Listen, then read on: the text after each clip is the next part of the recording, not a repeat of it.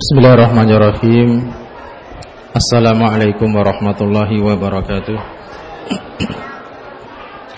Alhamdulillahi rabbil alamin Wassalatu wassalamu ala ashrafil anbiya'i wal mursalin Wa ala alihi wa sahbihi wa man tabi'ahum bi ihsanin ila yaumiddin Amma ba'd Ayuhal ikhwah Al-fudhala Wal-a'izza Al-an موعد لفضيلة الشيخ علي بن سالم بكير للقاء المفتوح. اللقاء المفتوح مع الطلاب وطالبات في معهد الأخوة الإسلامي وجميع الإخوة الحاضرين والحاضرات.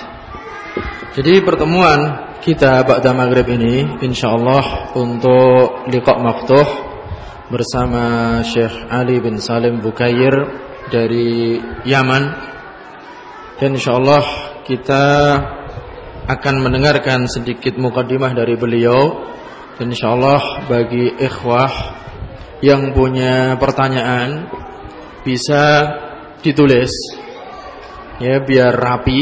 Ya dari akhwat juga bisa ditulis. Nanti bisa dikumpulkan kemudian kita pilih dan tidak semua pertanyaan akan dibahas mengingat waktunya yang terbatas. Al-an nu'ti fursah li fadilati syekh li ilqa muqaddimah hatta takun mumahidah li liqa'il maftuh. Fadal syekh.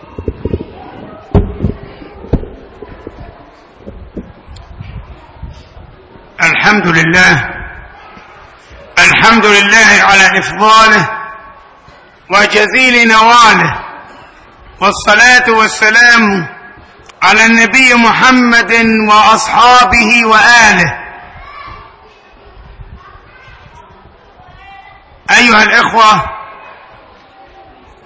وأيها الأخوات السلام عليكم ورحمة الله وبركاته.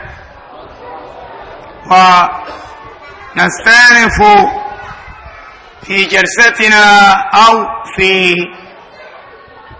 لقائنا هذا معكم في هذه الفرصة المباركة وفي هذا المسجد. ونسأل الله أن نكون وإياكم من عمار المساجد الذين قال الله فيهم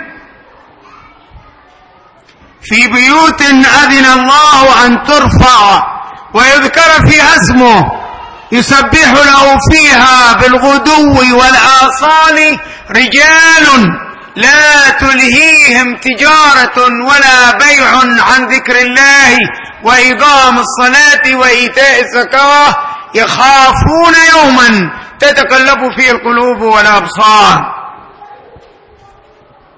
عمار المساجد رجال لا تلهيهم تجارة ولا بيع عن ذكر الله. هم يشتغلون بالبيع وبالتجارة وبالصناعة وبالزراعة كما كان أصحاب نبينا محمد صلى الله عليه وسلم. لم يكونوا عاطلين ولم يكونوا كسالى ولم يكن فيهم من هو سبهللا أو يعيشوا عالة على الناس ولكنهم كانوا فرسان بالنهار رهبان بالليل يشتغلون بالبيع وبالتجارة وبالزراعة. الصناعة ما كانتش عندهم صناعة. ولكن كل هذا لا يلهيهم عن ذكر الله. لا يغفلون عن الآخرة. الآخرة دائما نصب أعينهم. لا يغفلون عن الله. لا يخ... لا يغشون ولا يكذبون ولا يخونون. كما هو شأن المسلم كل مسلم. فكيف بجيل محمد؟ الرجال الذين صدقوا ما عاهدوا الله عليه. رجال لا تلهيهم تجارة ولا بيع. عن ذكر الله دائما يذكرون الله في السراء والضهراء في الجهر وفي العلانية. والذكر لا يكون فقط باللسان باللسان وبالقلب وباليد وبالرجل أن تسعى في مصالح الأمة. تسعى في قضاء إخوانك المسلمين. لا تسعى إلى معصية. لا تضرب بيدك. المسلم من سلم المسلمون من لسانه ويده. المسلم من سلم المسلمون من لسانه ويده. لا يظلم. لا يكذب. لا لا يخون. لا يغش. لا يخلف الوعد. هكذا هي الصفات الحميدة. وتلك هي مكارم الأخلاق التي بعث النبي محمد صلى الله عليه وسلم لإتمامها. قال عليه الصلاة والسلام إنما بعثت لأتمم مقارم الأخلاق. فتعلموا الشيم الطيبة والخلال الحميدة اعمروا المساجد لأنه في المساجد ومن هذه المدارس والمعاهد التعليم كله كان في المسجد. الظروف كانت تختلف. كونوا من عمار المساجد وفي الآية الأخرى يقول الله تبارك وتعالى إنما يعمر مساجد الله من آمن بالله واليوم الآخر وأقام الصلاة وآتى الزكاة ولم يخش إلا الله فعسى أولئك أن يكونوا من ال فعسى أولئك أن يكونوا من المهتدين اللهم اهدنا فيمن هديت واجعلنا من عبادك المتقين المفلحين واجعلنا من عمار المساجد الذين يدعون إلى الله بقولهم بأقوالهم وأفعالهم. ويقول الله تبارك وتعالى ولتكن منكم أمة أمة جماعة. ذات عدد وعدد ولتكن منكم أمة ماذا يعملون؟ يأمرون بالمعروف. كل ما ينفع الناس الدين الدعوة إلى الإسلام الدعوة إلى مكارم الأخلاق. ولتكن منكم أمة يدعون إلى الخير ويأمرون بالمعروف وينهون عن المنكر. وأولئك هم المفلحون. المفلح الذي ينال الفلاح والفوز والنجاة في الدنيا وفي الآخر هو الذي يدعو إلى سبيل الله. يأمر بالمعروف وينهى عن المنكر. تكون بارك الله فيكم من هذه الأمة أمة النفر. ولتكون منكم أمة يدعون إلى الخير ويأمرون بالمعروف وينهون عن المنكر. وأولئك هم المفلحون.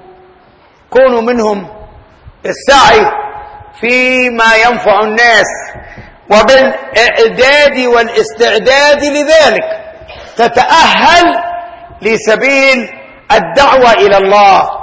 وفي الآية الأخرى يقول الله تبارك وتعالى وما كان المؤمنون لينفروا كافة. يعني ليس كل الناس سيكونون دعاة إلى الله ولكن في العلم الضروري الذي تتوقف عليه صحة العبادات العينية اليومية هذا فرض عين على كل مسلم ذكرا كان أو أنثى أن يتعلمه وهو العلم المشار إليه. في قول النبي صلى الله عليه وسلم طلب العلم فريضة على كل مسلم. على كل مسلم. يشمل الذكر وليس في الحديث ومسلمة. هذا واجب. ثم ما زاد على ذلك علم الدعوة والتبليغ ال- ال- ال- ال- ال- ال- الإفتاء القضاء إصلاح. هذا ولتكن منكم أمة يدعون إلى الخير. فلو وما كان المؤمنون لينفروا كافة فلولا نفر من كل فرقة منهم طائفة. طائفة. ماذا يعملون؟ يخرجون سراعا. كما جئتم أنتم من أقطار شتى ومن بلاد متباعدة. جئتم إلى هنا. لماذا؟ وما كان المؤمنون لينفروا كافة فلولا نفر من كل فرقة منهم طائفة ليتفقهوا في الدين. أولا تتفقه في الدين تعرف الأحكام خصوصا الأساسيات ضروريات الدين. ليتفقهوا في الدين ثم ماذا بعد ذلك؟ ولينذروا قومهم إذا رجعوا إليهم. أنتم سترجعون إلى بلادكم. تنامون تزرعون تأكلون وتشربون تتزوجون. هذا كله نعم لكن المهمة الأساسية الموكولة بكم والمنوطة بكم هي ليتفقهوا في الدين. وبعد ما تتفقه في الدين ليتفقهوا في الدين ولينذروا قومهم. إذا رجعوا إليهم لعلهم يحذرون. فذكر إن نفعت الذكرى فذكر إنما أنت فذكر إنما أنت مذكر لست عليهم بمسيطر. وآتلت القول ونسيت الترجمة. عندك يا أستاذ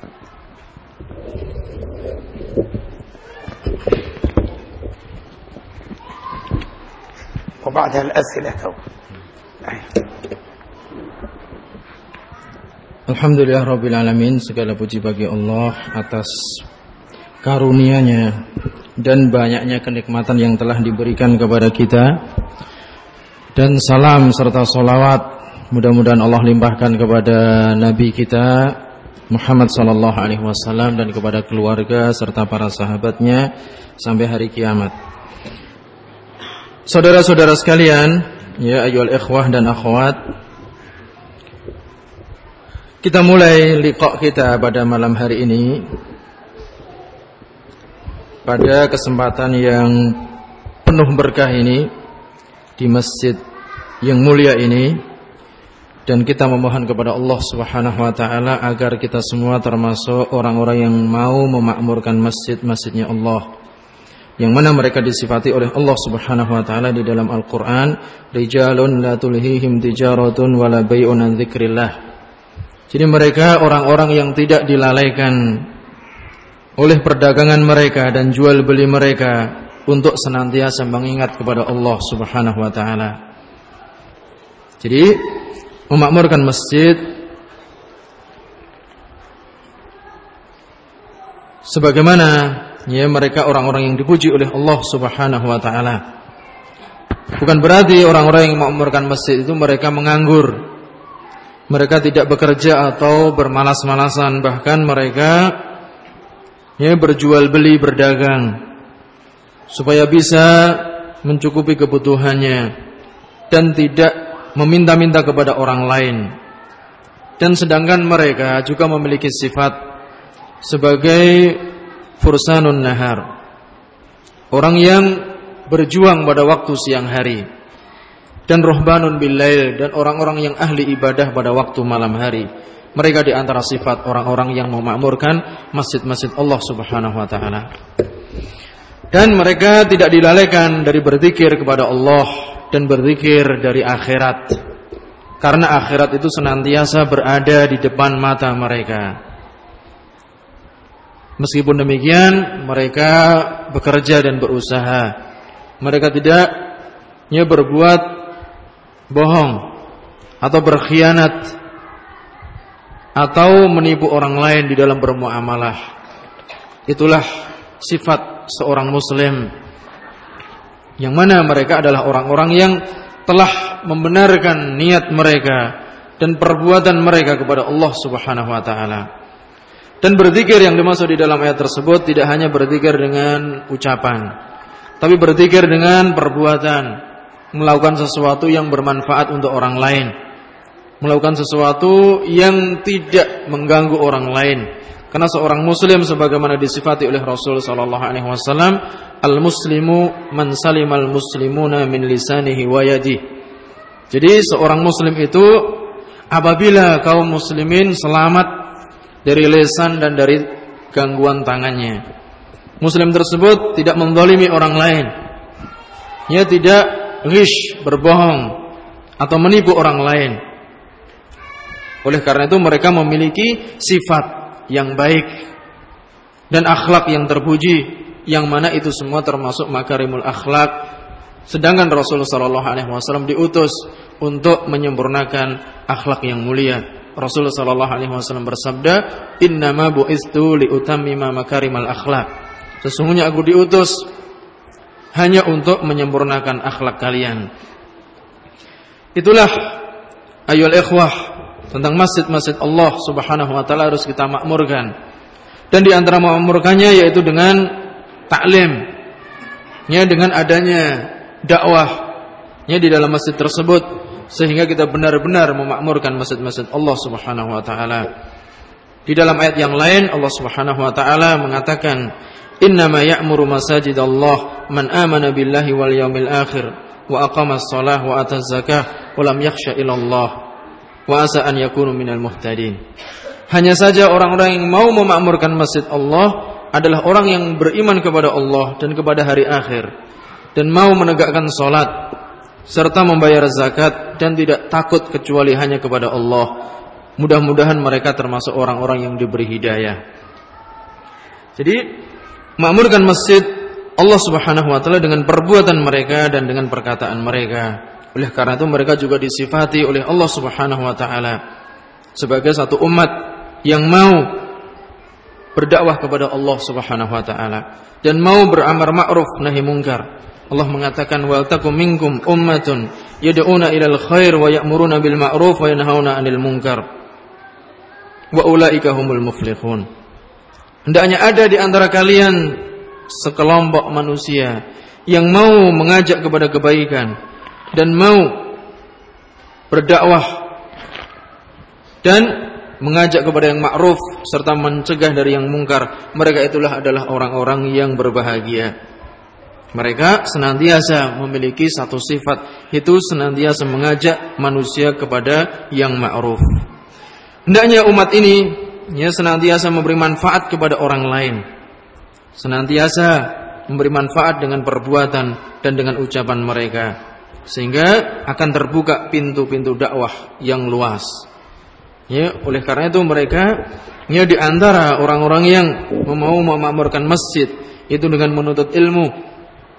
Karena menuntut ilmu adalah faridah sebagai satu kewajiban atas setiap muslim.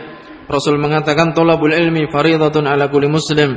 Menuntut ilmu itu adalah satu faridah bagi setiap muslim. Allah juga mengatakan wa makanal mu'minun liyanfiru kafah falaula nafara min kulli firqatin minhum ta'ifatun liyatafaqahu fid din wa liyunziru qaumahum idza raja'u ilaihim la'allahum yahdharun. Dan tidak layak bagi seluruh kaum mukminin untuk berangkat perang ke medan jihad.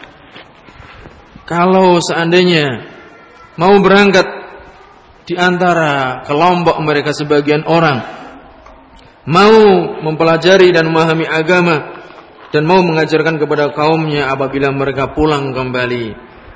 Jadi mereka memiliki tugas sebagai fardu kifayah di antara kaum mukminin ada yang menuntut ilmu untuk memahamkan saudara-saudaranya yang lain.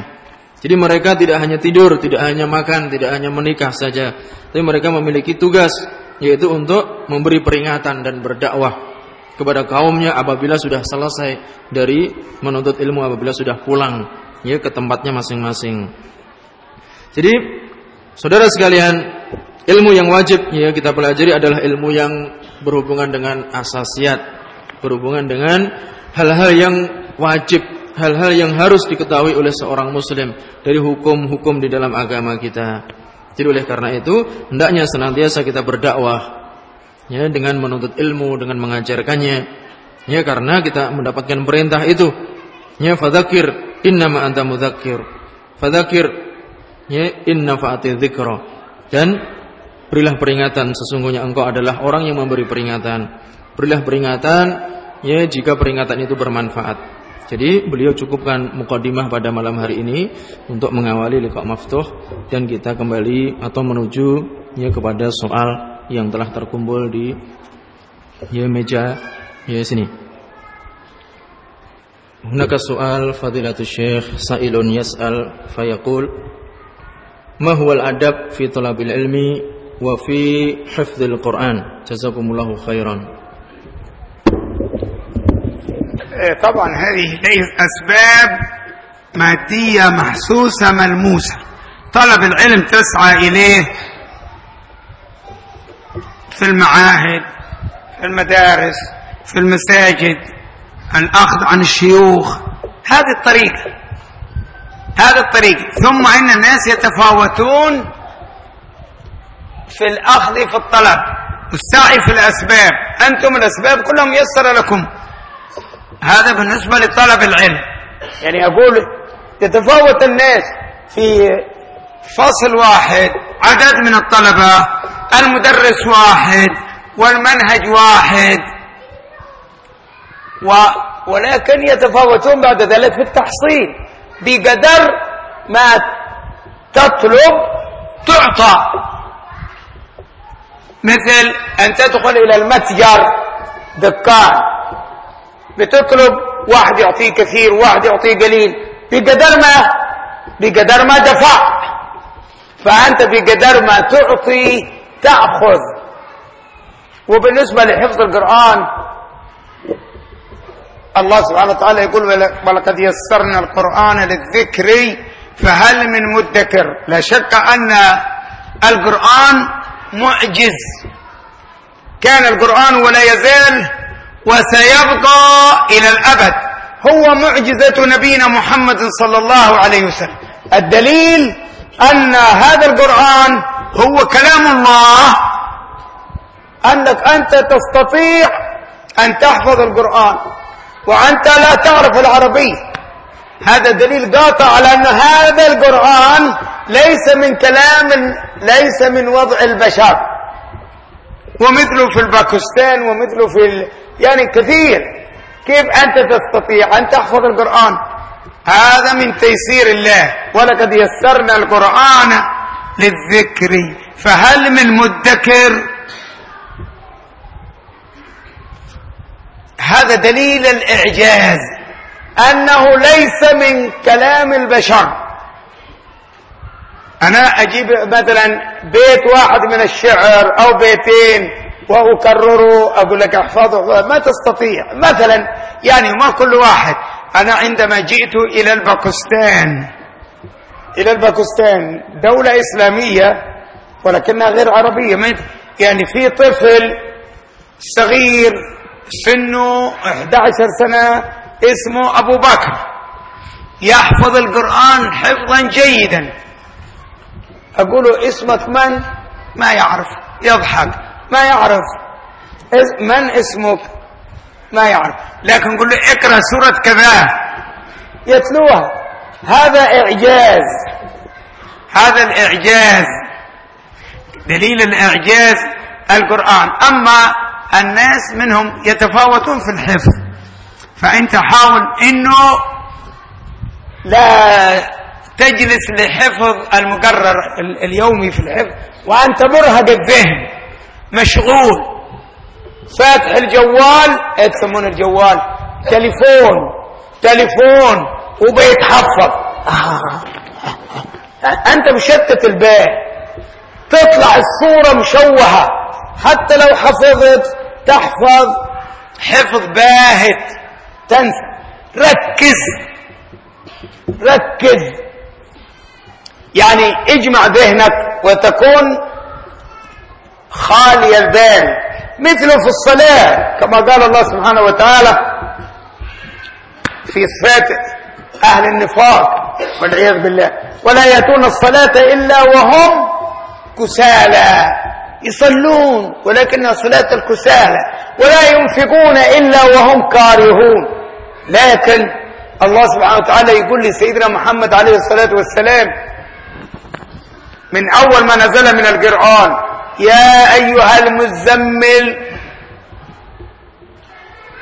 يا أيها المزمل. قم.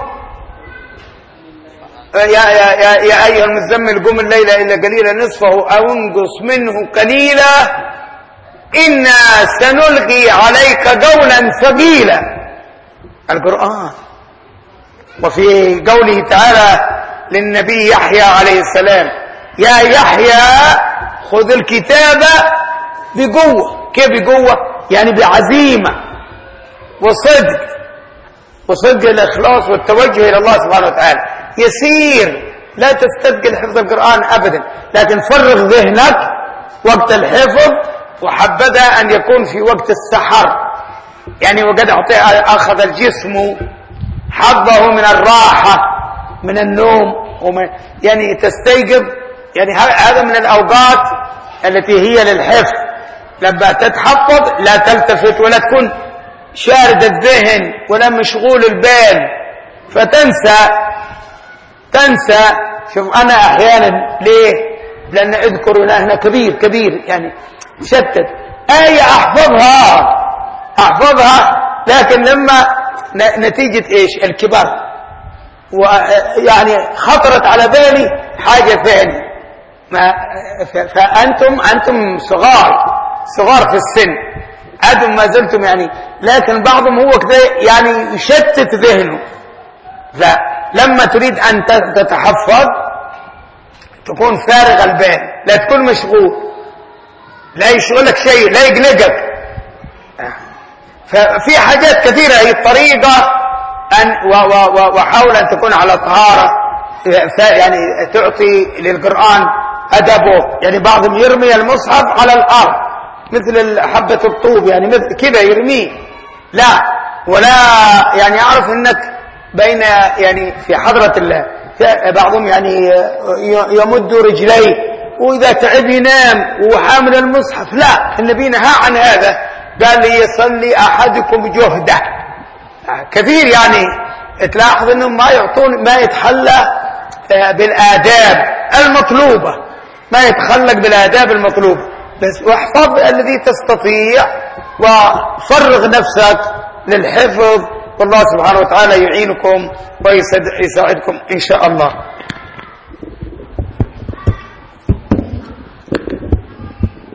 Jadi pertanyaannya bagaimana adab menuntut ilmu di dalamnya menghafalkan Al-Quran.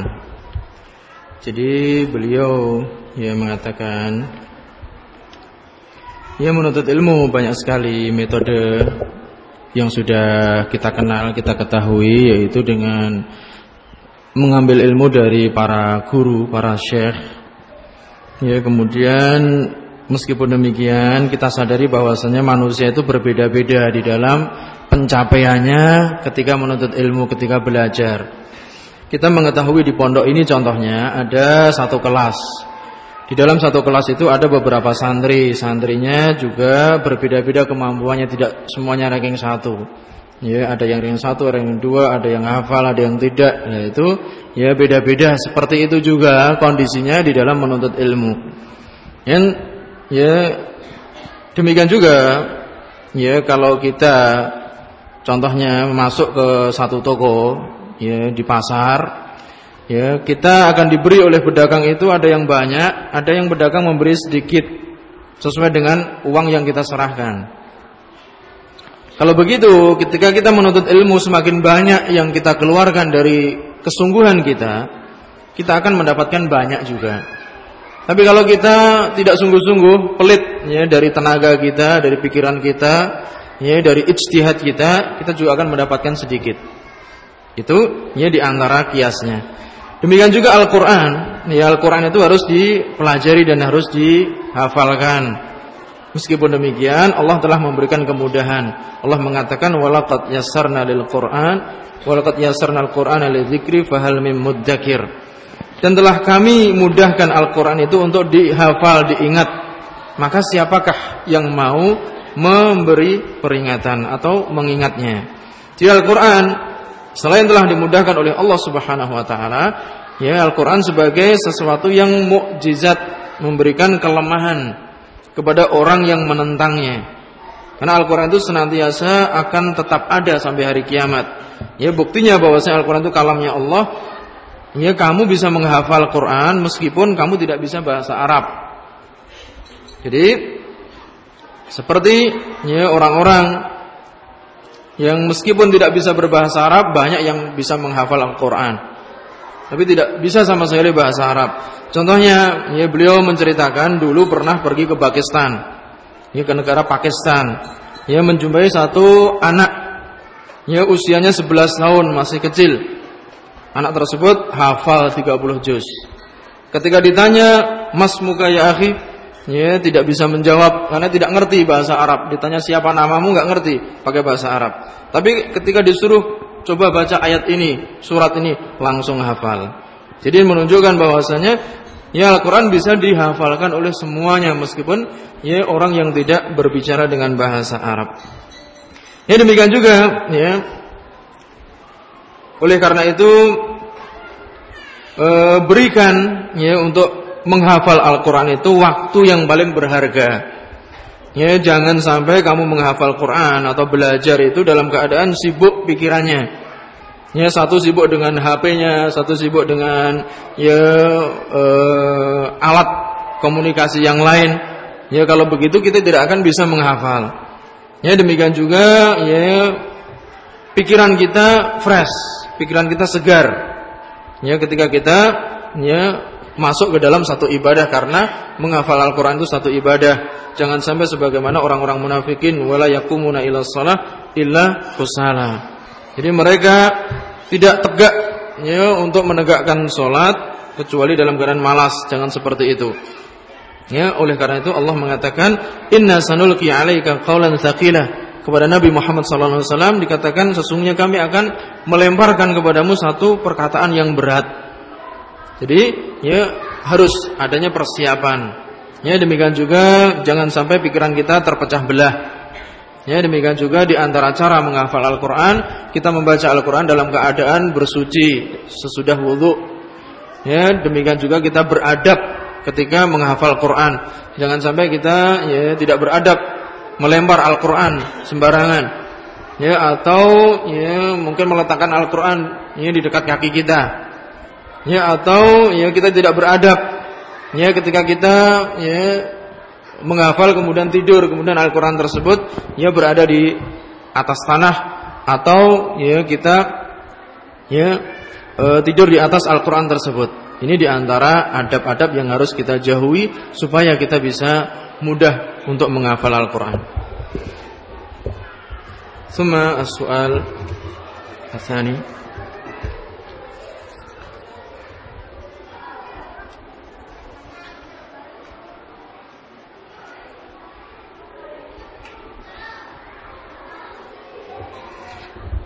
Soal Mahiyat tariqah Bil ikhlas Fi jami'il ibadat. Wasu'alu thani Hal bihajatin li talibil ilmi An yusafira ilal yaman Au ilal bilad al-ukhra Au yaktafi Fi biladihi Au bilad al-Indonesia Wa mahiyat tariqah li As-safar ilal yaman Li ajri talabil ilmi والسؤال الثالث من هو ابن الوردي الذي ذكرنا في صاحب اللامية؟ ليس السؤال الأول يقول الطريقة للإخلاص في طلب العلم هو, هو الإخلاص نفسه. أن تعرف أن الذي سيثيبك على العمل الصالح هو الله. الذي سيعاقبك على فعل السيئات والمعاصي هو الله. وتعرف أن الرزاق هو الله وأن الله هو المحيي المميت الذي بيده ملكوت كل شيء. يعني لا تتطلع إلى الناس ولا تنظر إليهم. واعرف أنك عبد أن الله سبحانه وتعالى هو الذي خلقك وهو الذي أمرك وهو الذي يسر لك الأسباب وهيأ لك الأمور. هذا هو الإخلاص. تخلص في الأعمال كلها لله سبحانه وتعالى. ولا تع... يعني لا, لا, لا تذهب آه، تتطلع إلى الناس بأعمال الآخرة. معك عمل دنيا بيع شراء ده روح اعرف كيف تتعامل مع الناس في أمور الدنيا. وتتعامل مع الله سبحانه وتعالى الذي يراك ولا تراه. تحسن في العمل. هذا هو الإخلاص. وتعرف أن الله هو الذي يقصد بالأعمال. وكما قال الإمام الشافعي رحمه الله تعالى لما شعر بنفسه سأل شيخ وكيع ابن الجراح قال شكوت إلى وكيع سوء حفظي. وهو يحفظ الإمام الشافعي من مرة. لكن رأى في نفسه شيء من التباطؤ وليس حسب العادة.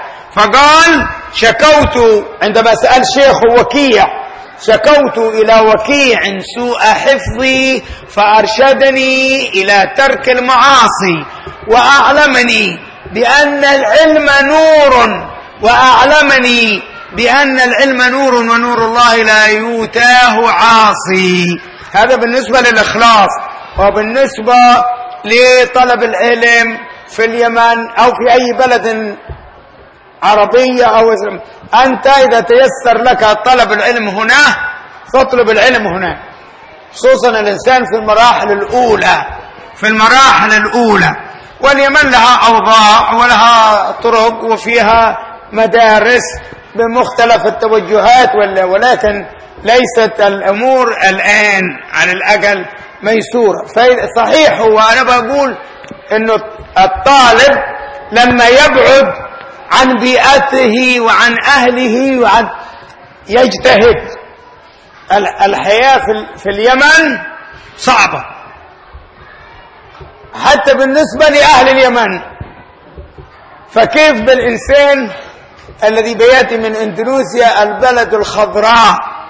البلد الخصب التي هي كما وصفها بعض شعراء حضرموت حضرموت محافظة من محافظات اليمن. آه عندما جاء إلى جاوة قال جاوة براها مبدع الأشياء انموذج للجنة الخضراء. يعني في جنة الأمطار كل يوم في اليمن في بعض المناطق خصوصا في بعض المحافظات الصحراوية مثل حضرموت قد تمر سنة سنة كاملة 360 يوما ولا نرى المطر. لكن رغم ذلك الطلبة الإندونيسيون هناك في اليمن كثير يعدون بالآلاف. يمكن وصلوا في وقت من الأوقات كلهم طبعا فيهم مختلف جامعات ومعاهد ومدارس لكل الطوائف. قد بلغوا في مرة من المرات قبل سنوات لأنه كانوا أكثر يعني ممكن قبل عشر سنوات. قد بلغ عدد الطلبة من إندونيسيا في اليمن خمسة آلاف وكثير منهم في مدينة تريم في محافظة حضرموت. مدينتي أنا. أنا من تريم المدينة. تريم في حضرموت. ولكن هناك فيها مراكز يعني صوفية. ثلاثة مراكز. في كلية الشريعة وفي دار المصطفى وفي الرباط. ورغم ذلك في بعضهم سنة. يدرسون هم سنيين. في بعضها أنت خذ ما ما يعني في بعضها يعطونك فقه وقواعد اللغة العربية. بعضها تتفاوت يعني. وهناك في صنعاء في جامعات كثير في جامعة جامعة الإيمان وفي هذه جامعة أهلية الدراسة فيها مجانا ولكن الإقامة فيها صعبة. يعني يعني تأشيرة الدخول إلى اليمن. إذا بتدرس في جامعة الإيمان هي من الصعوبة بمكان. هناك جامعات أخرى بالرسوم مثل جامعة العلوم والتكنولوجيا. وفي جامعات الدولة مثل جامعة صنعاء وفيها عدد قليل من الاندونيسيين يعني بيعطون منح من الدولة. على كل حال أنت لا تفكر الآن على الأقل في الدراسة في اليمن. اقنع بما أنت فيه والحق أن تمكث حيث أنزلك. حتى يكون الله عنه نقلك. أما ابن الوردي الذي سألت عنه فهو من العلماء الشافعية في القرن القرن السابع الهجري. نسيت بالضبط سنة وفاته. وارجع إلى معجم المؤلفين وكتب التراجم. هو ابن الوردي يسمونه شاعر الفقهاء وفقيه الشعراء. له هو له كتب كثيرة. ابن الوردي له له كتب كثيرة آه في الفقه له كتاب اسمه الحاوي ال ال ال أيوه وله كتب أخرى الآن آه لا أستذكرها. هذا هو ابن الوردي. آه نعم. باختصار أنا أفيض في الأسئلة أحيانا والموقف يعني يحتاج إلى الاقتراب والإختصار.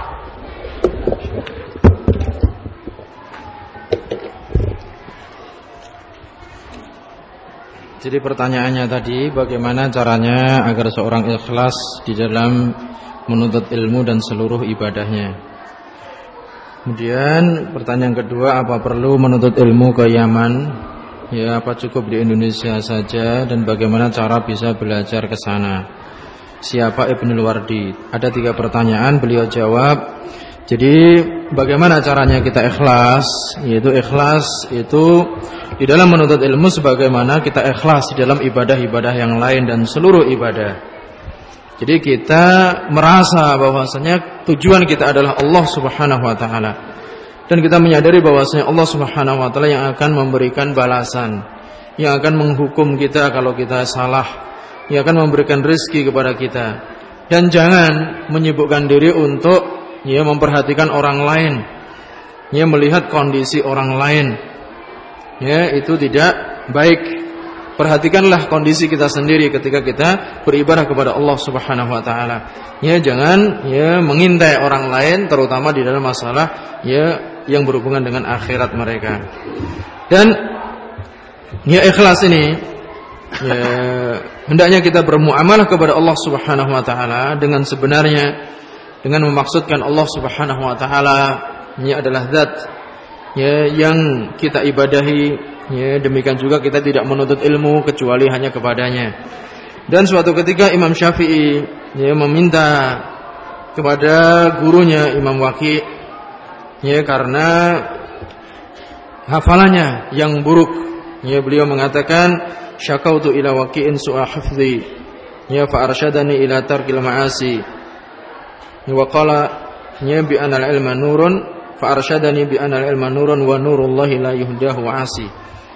Jadi aku suatu ketika mengadu kepada Imam Waqi' Ibnu Jarrah akan jeleknya hafalanku. Maka beliau menganjurkan aku untuk meninggalkan maksiat.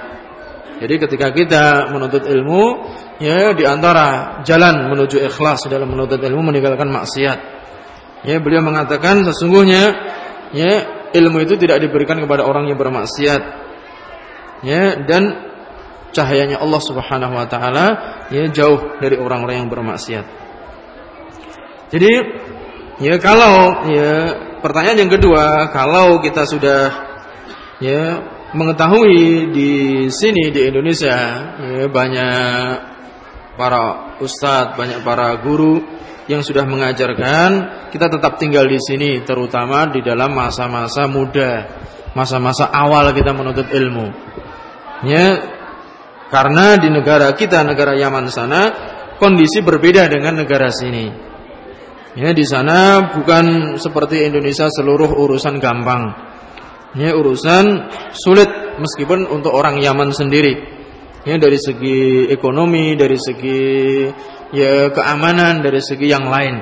Jadi, ya di sini di Indonesia ya banyak kemudahan ya dan banyak keindahan ya sehingga ya kalau ya menuntut ilmu ya di sana ya harus ditimbang kembali.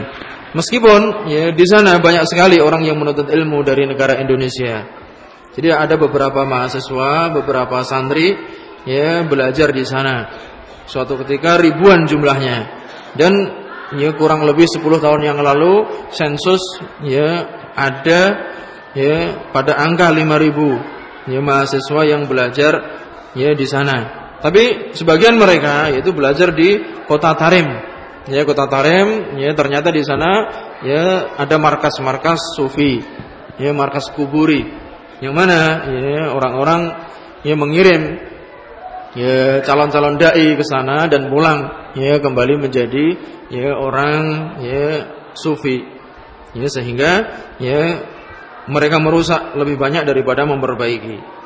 Itu di Tarim ya di kabupaten atau di provinsi Syekh yaitu Hadramaut ya beliau berasal dari sana.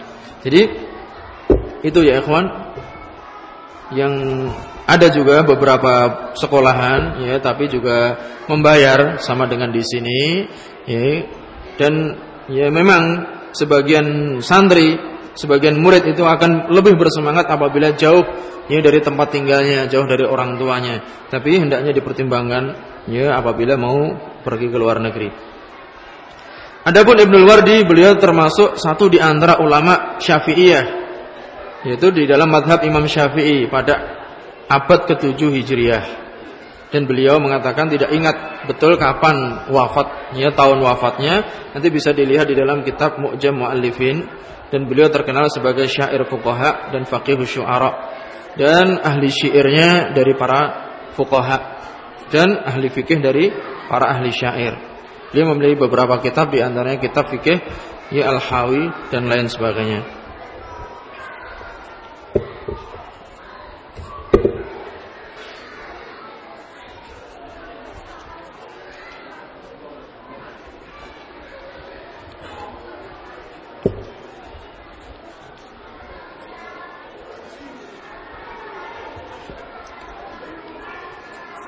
فضيلة الشيخ هل الزواج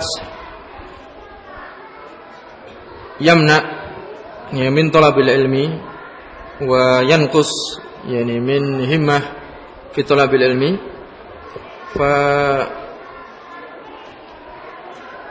آه، كما أننا إذا نطلب العلم نحتاج إلى آه، إلى الذهن الواحد وإلى تفكير الواحد ولا يتشتت.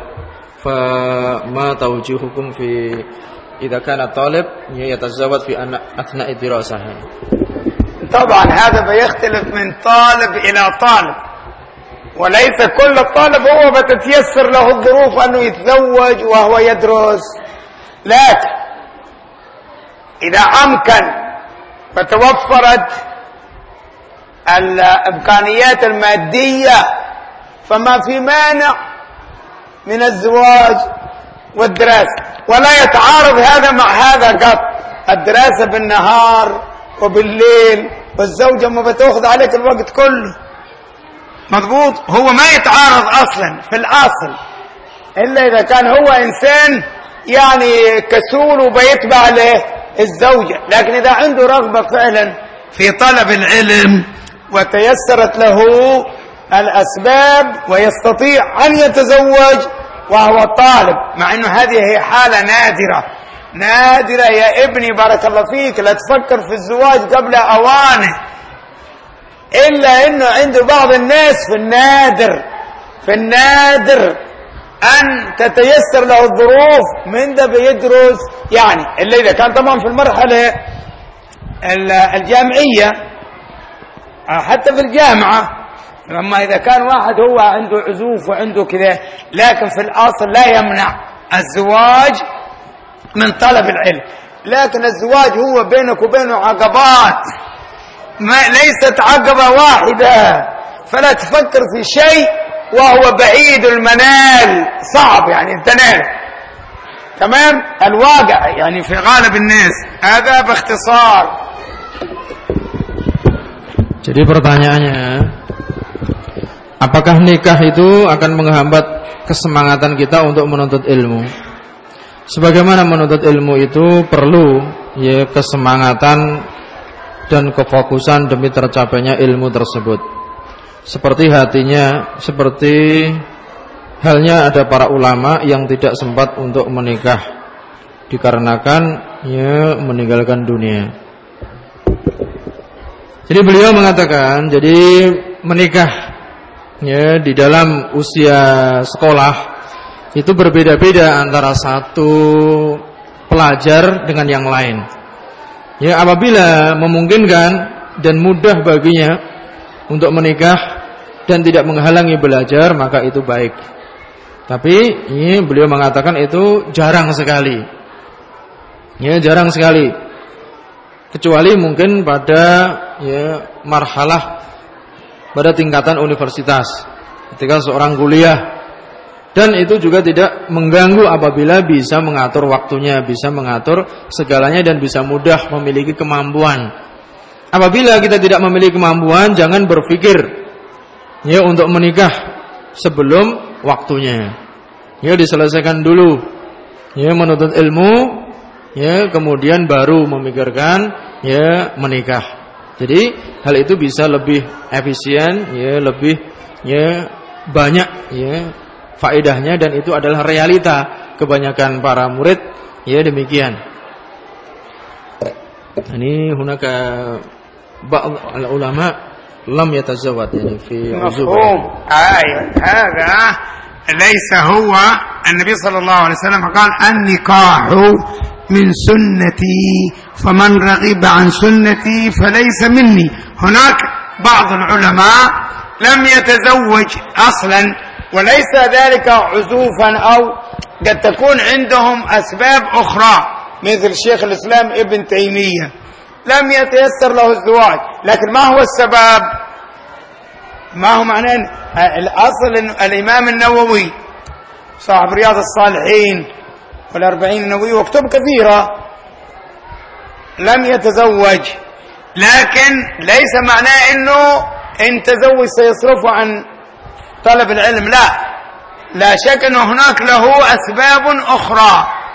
في بعضهم يعني العلماء العزاب يعني لكن آه الأسباب تختلف. السبب يعني في في عزوف بعض العلماء عن الزواج ليس معناه لأنهم طلبوا طلبة علم يعني لا. لكن عندهم أسباب عندهم وليس العجز المادي أيضا. في كثير من الشباب عنده رغبة وعنده ولكن ما عنده الأهبة.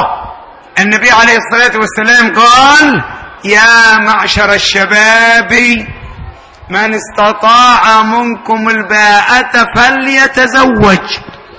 ومن لم يستطع فعليه بالصوم فإنه له وجاء. يشغل نفسه برياضات أخرى. Jadi ada beberapa ulama yang tidak menikah. Itu bukan berarti mereka tidak mau menikah. Ya atau karena semata-mata untuk menuntut ilmu Tapi ada uzur yang lain. Mungkin barangkali mereka punya sebab-sebab yang lain Seperti Ya kita kenal Syekhul Islam Ibn Taimiyah beliau tidak menikah. Dan Imam Nawawi yang mengarang kitab Riyadhus Shalihin juga tidak menikah. Ini bukan berarti ya itu ya kita jadikan panutan. Padahal Rasulullah sallallahu alaihi wasallam beliau mengatakan nikah itu adalah sunnahku dan barang siapa yang membenci sunnahku maka dia bukan termasuk golonganku. Jadi ya kita punya penilaian kepada para ulama yang tidak menikah barangkali mereka ya memiliki sebab-sebab yang lain. Ya oleh karena itu ya hendaknya ya kita ketika sudah mampu dan sudah punya ya kesiapan hendaknya segera menikah. Rasul mengatakan ya ma'syarasy syabab ya man istata'a minkumul ba'ah falyatazawwaj. Hei para pemuda barang siapa yang di antara kalian memiliki kemampuan maka hendaklah dia segera menikah. Ya, wa man lam yastati' fa'alahi bisawm fa innahu lahu wija. Maka barang siapa yang tidak mampu maka banyak-banyak puasa. Karena puasa itu bisa membentengi dirinya ya atau bisa dengan ya kegiatan-kegiatan yang lain olahraga yang bisa melupakan ya diri kita ya dari keinginan untuk menikah sedangkan kita belum memiliki kemampuan. Jadi ya kita cukupkan sampai di sini pertemuan kita ya e, bersama Syekh Ali bin Salim Bukayir ya kita cukupkan sampai di sini karena waktu sudah masuk ya waktu salat Isya. Naktafi bihadzal qadar ya Syekh yani lianna al-waqt yani tajawaz yani dakhal waktu isya. Wa insyaallah taala ya kita bisa ketemu lagi ya bersama beliau nanti di masjid ya masjid Jami' fi yaum al-ahad insyaallah. Ya, yaum al-ahad. Insyaallah. Ahad insyaallah. Ya hari Ahad di Masjid Agung Karanganyar atau Masjid Raya Karanganyar hari Ahad ya jam 8 sampai dengan selesai insyaallah bersama beliau ya dengan materi untayan nasihat ya beliau ya untuk kaum muslimin. Jadi kita cukupkan sampai di sini ya dari saya. Mutazid ya Syekh? Ya kita akhiri dengan doa kafaratul majlis Muhammad hamdika asyhadu an la ilaha anta astaghfiruka wa atubu ilaik.